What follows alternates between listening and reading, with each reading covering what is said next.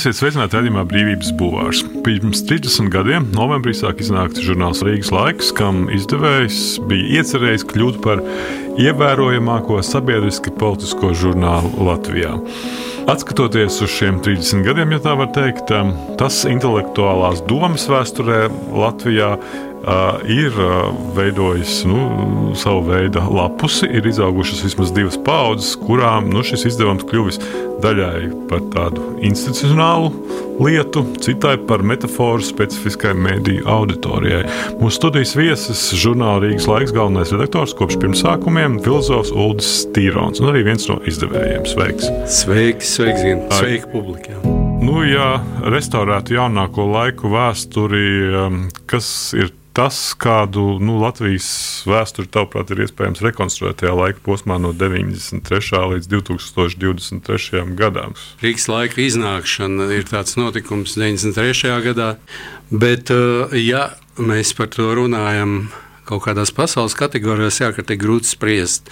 Tādēļ, ka ir notikuši vairāk kari, Protams, ka Dvīņu torņu sabrukšana 2001. gadā ir tāds notikums, kur nav iespējams aizmirst. Es pat zinu, kurā barā Rīgā es sēdēju un dzēru alu ar vienu draugu no Pēterburgas.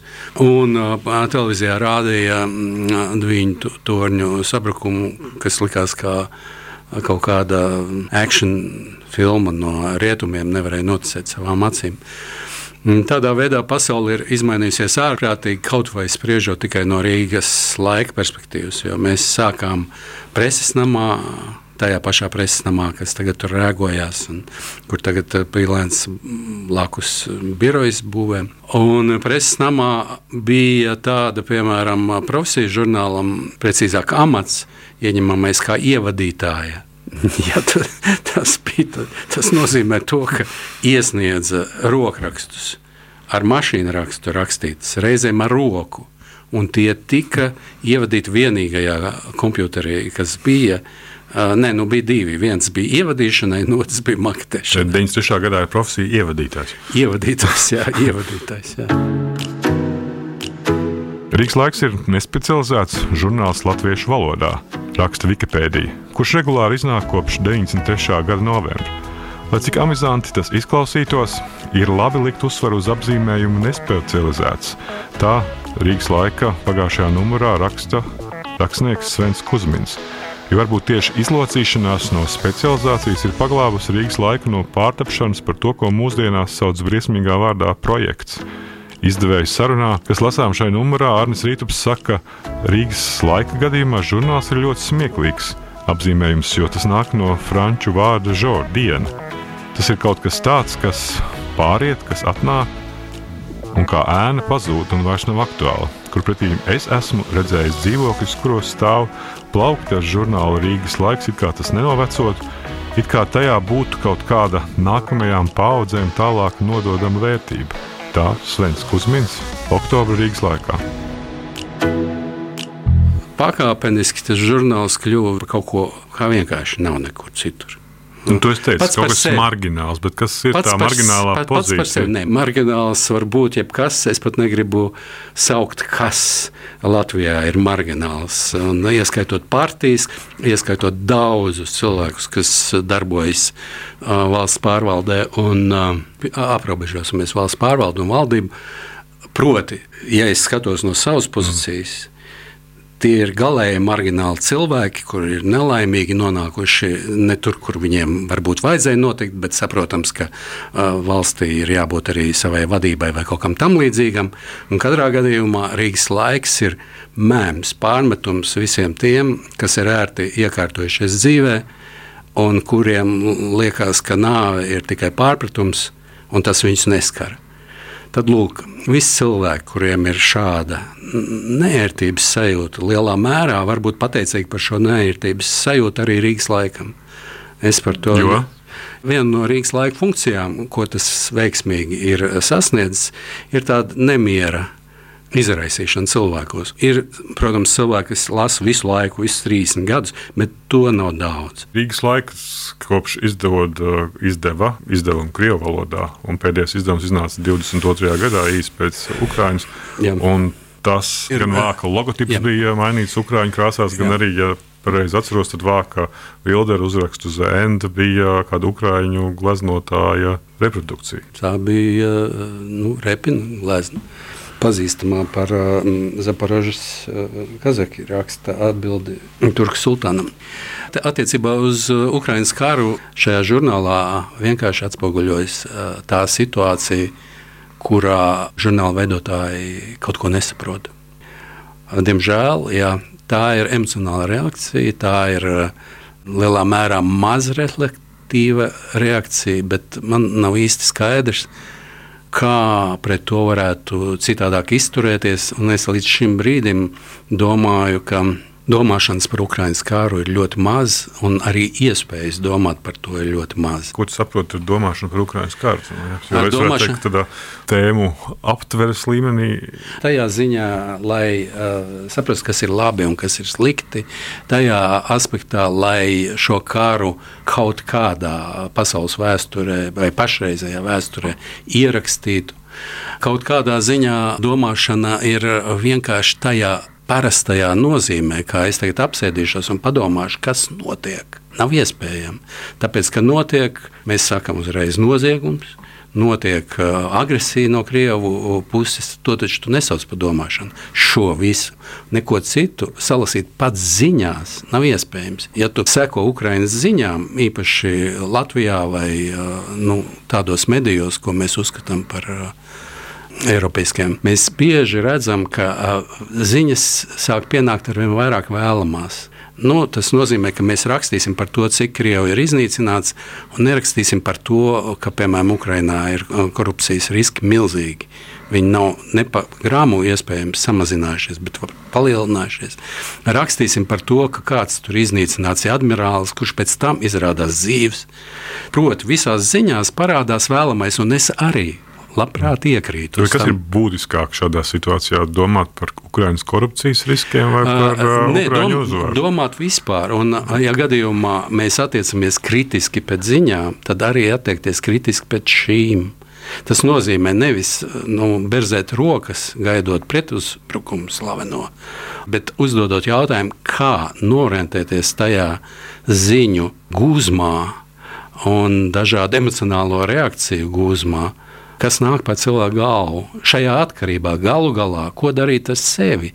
Vai pārtraukt dzīvot, kamēr ir šis karš? Vai tomēr kaut ko darīt citu. Es zinu, milzīgi daudz cilvēku, kas līdz šim brīdim ir depresijā. Pārlasīju tavu interviju ar uh, Dmitriju Mūrātovu, kurš tev intervijā saka, ka elite.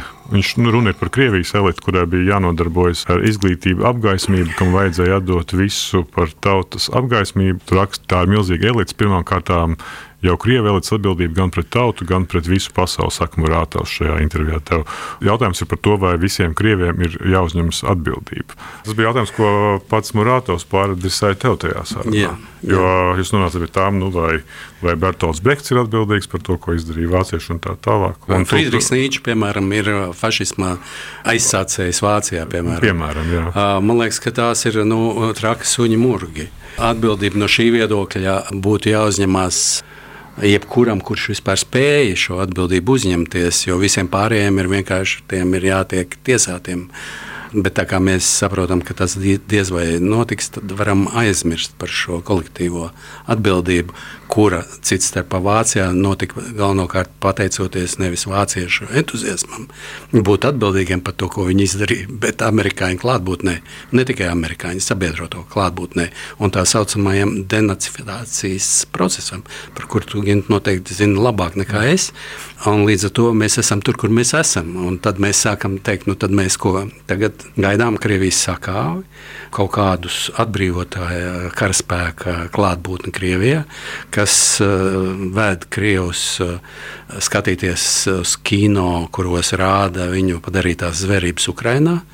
Vācijā tā notika. Vācijā tā notika, jā, bet tikai pateicoties, eh, kā jau teicu, amerikāņu sabiedroto klātbūtnei tur. Es atradu arī nu, interviju Anatoliju Ahutinu filozofu. Tajā intervijā bija tāda zīmīga vieta, kur Ahutins saka, ka viņš nekādīgi nevar palīdzēt. Tad ir atlicis tikai viens, kam ir viņš gatavojies visu mūžu, un uz ko vēl ir spējīgs saprast. Proti, nu, pamēģināt padomāt ar tādu nosacīti kantisku jautājumu, kā tas viss ir iespējams.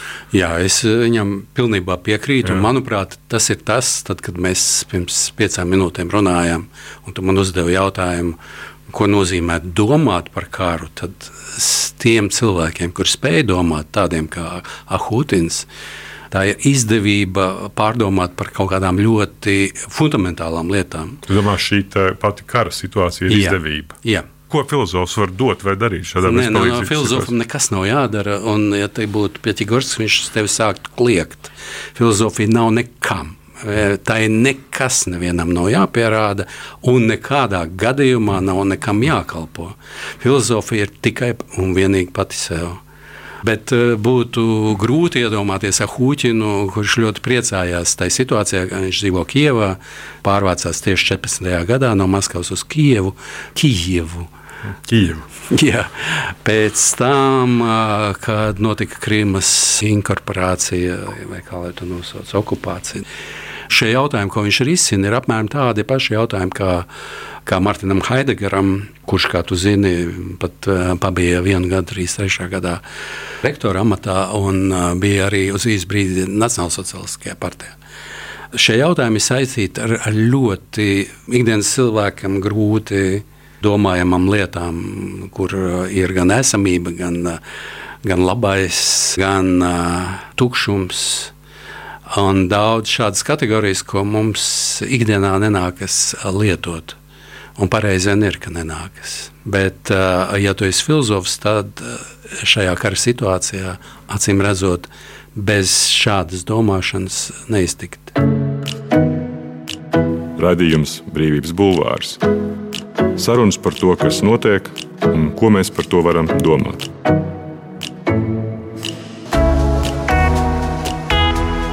Radījumā Brīvības Bulvārs saruna ar filozofu un Rīgas laiks galveno redaktoru Uldi Tīronu.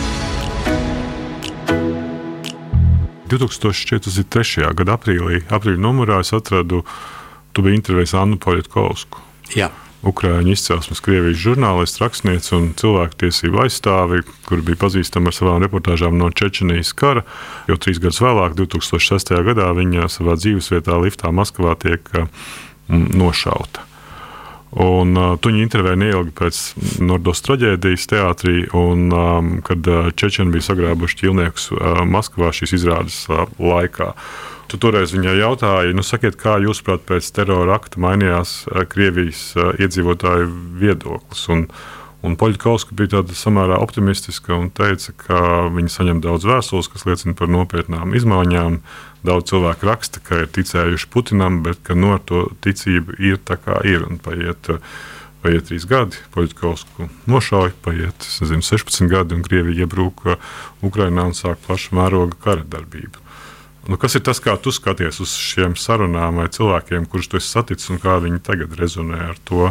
Es runāju ar daudziem cilvēkiem, kuri ir bijuši saistīti ar uh, sabiedrisku darbību, aktīvu vai kaut ko tamlīdzīgu. Tad, kad meklē savus sarunbiedrus, dodamies uz to vai citu pilsētu vai to vai citu valsti, mēģina saprast, kas tev būtu interesants sarunbiedrs. Un nevelti Poļitkovska tur uzpeldēja kā mans iespējamais sarunbiedrs. Viņa bija Novai Gazeta žurnāliste, un Novai Gazeta jau bija jau vairāk līķi uz to brīdi. Jau. Proti, nogalināt žurnālisti, kas strādāja šajā visnotaļ cienījamajā avīzē. Paļitkovska bija ļoti artikulēta, ļoti drosmīga, kas visvairāk arī mani šajā visā interesē. Un šīs intervijas kamertonis, ja drīkst teikt, ir bailes. Un es viņai arī tur prasīju, vai viņa nebaidās. Tik labi neatceros, ko viņa atbildēja, bet uh, skaidrs, ka baidās. Bet baidās kaut kādā tādā nozīmē, kā domājot par to, no kā jābaidās. Bet tas, ko viņi darīja gan Nordost gadījumā, gan Čečenijas gadījumā, bija kaut kas daudz vairāk par bailēm. Es varu tikai cienīt tādus cilvēkus, un man pat ne tik tālu ejot kā līdz Poļitkovskai. Pat arī Judins Grigorijs eh, Maskavā, ko es intervēju pagājušā gada pavasarī, mani arī pārsteidza. Nu, nevis ar to, ka viņš kara sākšanās dienā izgāja jo vienkārši nevarēja. Nu, nu, nu, kā tu sēdēji? Izgāja demonstrācijā, dabūja steku pa galvu un, un viņa aizveda slimnīcas bezsamaņā. Bet arī tāpēc, ka mēs runājam pilnīgi atklātā telpā, kafejnīcā, kur viens tur pieskrēja klāt fotografēties. Judinkungs, es esmu milzīgs jūsu cienītājs, vai drīkst ar jums nofotografēties? Un Judinam arī tāda sēma balss, un to dzird, nu, visi visapkārt. Un man šķita, man likās, ka es esmu atbraucis uz, uz valsti, ja, kur ir visiem jau jābūt. Uh, To tu man liekas, teici arī tajā intervijā ar Ļevu Loriju. Tu, tur saki, ka tu brauc ar domu, ka tu ieraudzīs tādu 38. Jā, gada Maskavu. Jā, jā, jā, jā. Un par lielu nožēlošanu vai par laimi man ir grūti pateikt, neko tādu tur ieraudzīt nav iespējams līdz šim brīdim. Tajā sarunā ar Loriju atsaucies uz Hannu Ārentu, kur rakstīja, ka tā fašizācija notika tieši nevis noskaņojuma dēļ, bet tādēļ, ka cilvēki centās tieši norobežoties no tā, kas notiek. Uh, nu, kaut, norobežoš... Tur ir kaut kādas jā, līdzības nu, ar to, ko saka Ārenta. Bez šaubām, manuprāt, ir. Eh, taču šīs līdzības ir pārāk nepatīkamas arī Latvijas iedzīvotājiem. Tādēļ, ka tas, ko darīja vācieši, nu, atvainojot par tādu gramatisku nepareizu formu, centās noslēgties savā ģimenēs centās dzīvot savā labklājībā, nodrošināt par katru cenu, lai viņi paliktu šajās labklājības pozīcijās. Nu, labi, nu, kas tur notiek tajā sabiedrībā, nu, kaut kāda sprūkstiņa raujas pie varas, bet kopumā jau tas man neskar. Jo es vienalga vēlēšanās piedalīšos tajā mērā, ka es vēlēšu, pa ko es gribu. Un mēs redzam, ka gan politiskā līmenī, tas nozīmē Hitlera nākšana pie varas, uh, izrādījās pilnīgs bleķis tās uh, piedalīšanās, tās vēlēšanās vai nepiedalīšanās. Gan arī tādā ikdienas nozīmē vācieši kā pilsoņi cieta fiasko. Un šādā pašā situācijā dzīvo daudzas Eiropas zemes, ieskaitot līdz šim brīdim, ja mēs skatāmies uz Sloveniju un uz Ungāriju. Piemēram. Bet tikpat labi mēs varam skatīties uz Latviju. Cilvēki dzīvo salīdzinoši labi. Un ir gatavi visu darīt, lai tā varētu turpināt dzīvot, un tas skar tuvākos cilvēkus. Pilsoniski aktīvi ir ļoti maza grupa, un nevajag iedomāties, ka vienreiz iet novēlēt, Tas arī ir viss, ar ko nodarbojas pilsonis normālā, sauksim to par demokrātisku zemi. Nekā tāda nav.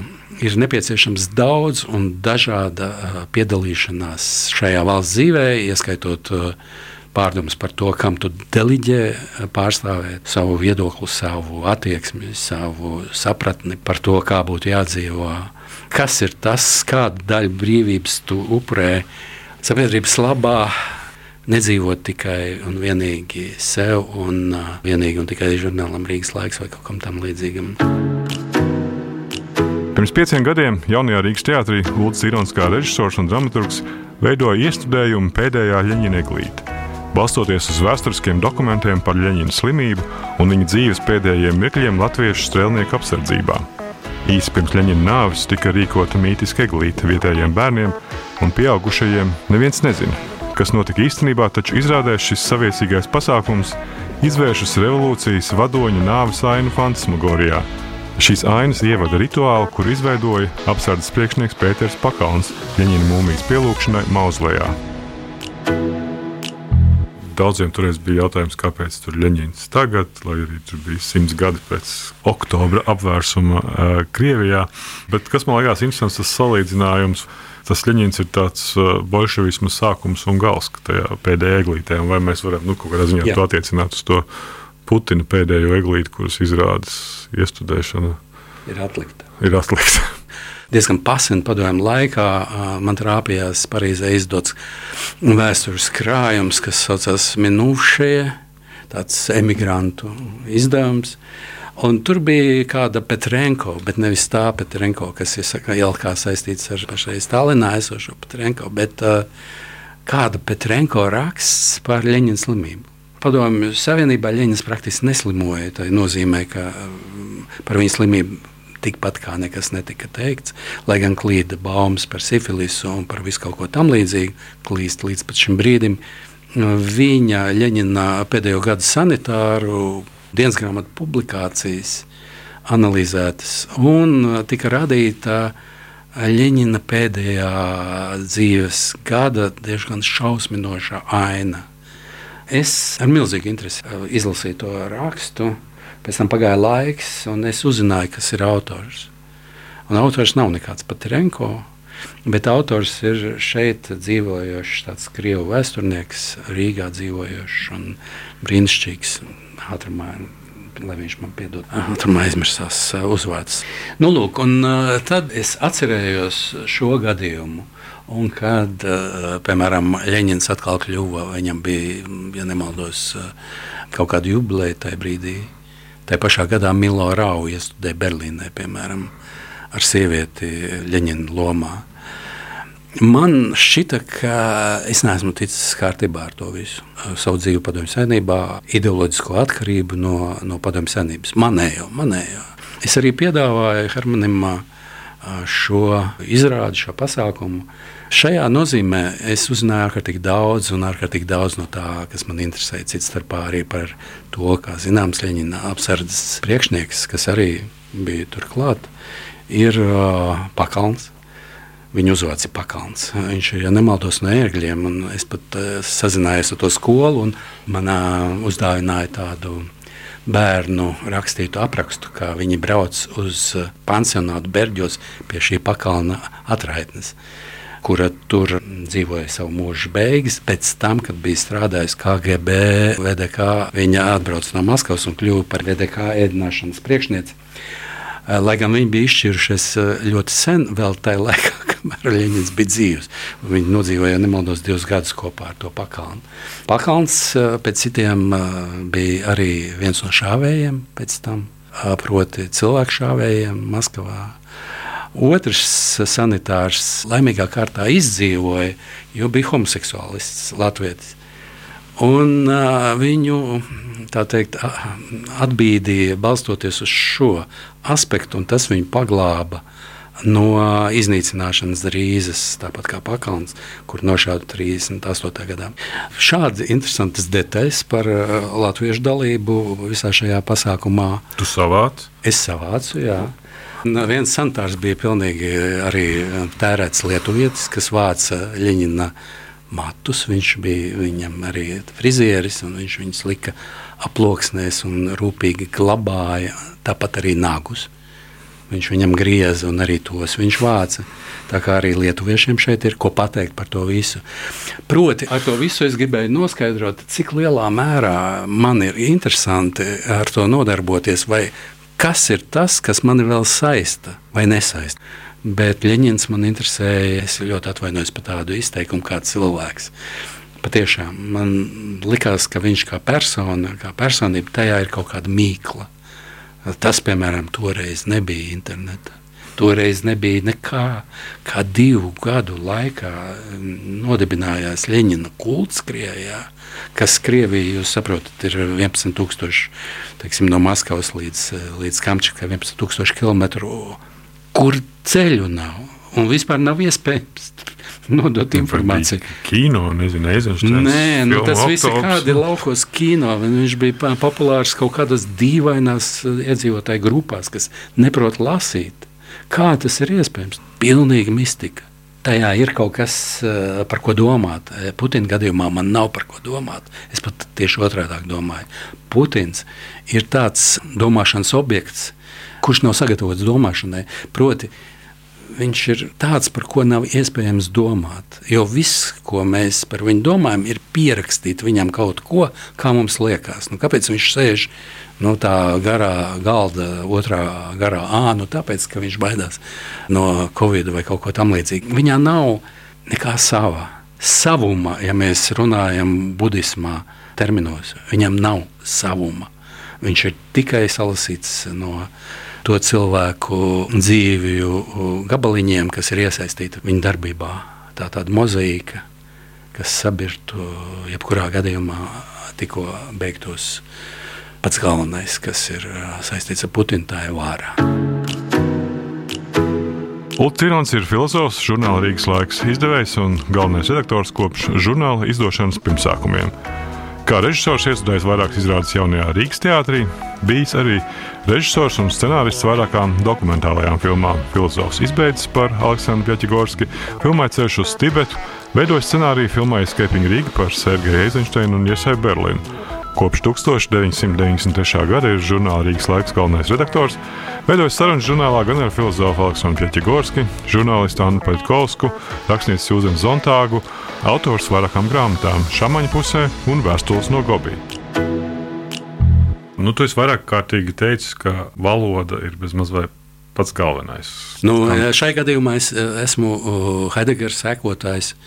Es atgādināšu tev viņa teikto, kas ir kļuvis jau par banalitāti. Noteiktās aprindās disprāhē ist das Haus des Seins. Valoda ir esamības māja. Jā, valoda ir esamības māja. Jā. Es patiešām domāju, ka viena no Rīgas laika funkcijām un Rīgas laika prasmēm, pieredzēm, lai gan pieredze nav lietojama daudzskaitlī, bet tagad jau visu drīkst, tāpat kā brīvības un viss kaut kas tamlīdzīgs. Tad uh, man šķiet, ka šī stāvēšana sardzē pie valodas cietokšņa vai atkrieviskošana. Nē, tas jau ir pagājis. Tas bija vēl padomu laikā. Nu, manas dziļi cienītās korektoras un redaktoras pat Liņņina rakstu izdošanā latviešu valodā strādājošās bija brīnišķīgi profesionāļi, kuri Liņņina raksti, piemēram, ir ļoti latviski labi izrediģēti.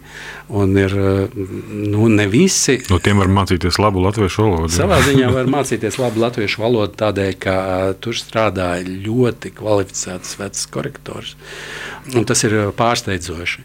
Kamēr pašreizējā izdošana vai, piemēram, masu mediju valoda internetā ir vienkārši katastrofa un vajadzētu jau sen jau pakārties, ja gadījumā mēs domātu, ka tam valodai ir kāda nozīme. Un tagad paskaties, valoda ir viens no, viens no tiem apsvērumiem, kāpēc cilvēki saka, ka viņi dzīvo Latvijā. Viens no, es nesaku, ka visi. Nu, piemēram, dzimtas kapi, ģimene, draugi, valoda ir vienīgā zeme kur mēs varam runāt latviešu. Un tad mēs, kad klausāmies šie paši cilvēki, kas to saka, kāda ir viņu valoda, kādā veidā viņi neprot izteikt domas, kādā veidā viņi uh, lieto šo valodu, kas ir piesārņot ar milzīgu tehnikrātu spiedienu pašreiz. Bet valoda mainās, tu taču neesi pūrišs. Bez, bez šaubām, ka viņa mainās, bet es esmu par to, ka mm, valodai ir reāli liela loma tajā pasaulē, kuru sastopas cilvēks. Tad, kad viņš ienāk šajā pasaulē, un vairāk viņš attīstās valodā nekā ģimenē. Vai nu, ģimene bez šaubām arī ir valodas māja. Kopumā es domāju, ka Rīgas laika darbs ir, kā izteicās mans kolēģis un draugs Arnis, ir pazīt pūšu runu. Un tici man, Gint, ka Latvijā no šī viedokļa darba ir atliku likām. Kas ir tas, kas būtu tā puvušās runas atpazīšanas, nezinu, policija vai domāšana? Jā. Nē, policijas nav. Jā. Policija nav vajadzīga priekš tam, bet priekš tam vajadzīgs Rīgas laiks. Uh, un arī nevis Rīgas laiks kā žurnāls, kā tas Rīgas laiks, kas kaut ko dara ar savu domāšanu attiecībā pret valodu. Jo viens no redaktora galvenajām prasmēm ir saprast, ko cilvēki domā teikt, jo viņi to pateikt gandrīz nekad nevar. Paldies! Tas bija Ulrichs Tīrons, filozofs, žurnāla Rīgas laiks izdevējs, viens no izdevējiem. Un režisors. Un teātris režisors, slavenais kino scenārists. Un kino scenārists, radījums Brīvības bulvārs, mans vārds Gīns Grūba, radījumu ierakstīja Toms Šits un Montēja Noramīts. Paldies! Paldies! paldies. Brīvība ir brīvība. Nevienlīdzība vai taisnīgums, vai kultūra vai cilvēks laime. Tā teica Iesai Berlīns. Sarunas ar brīvas apziņas un ideju cilvēkiem raidījumā Brīvības Bulvārs.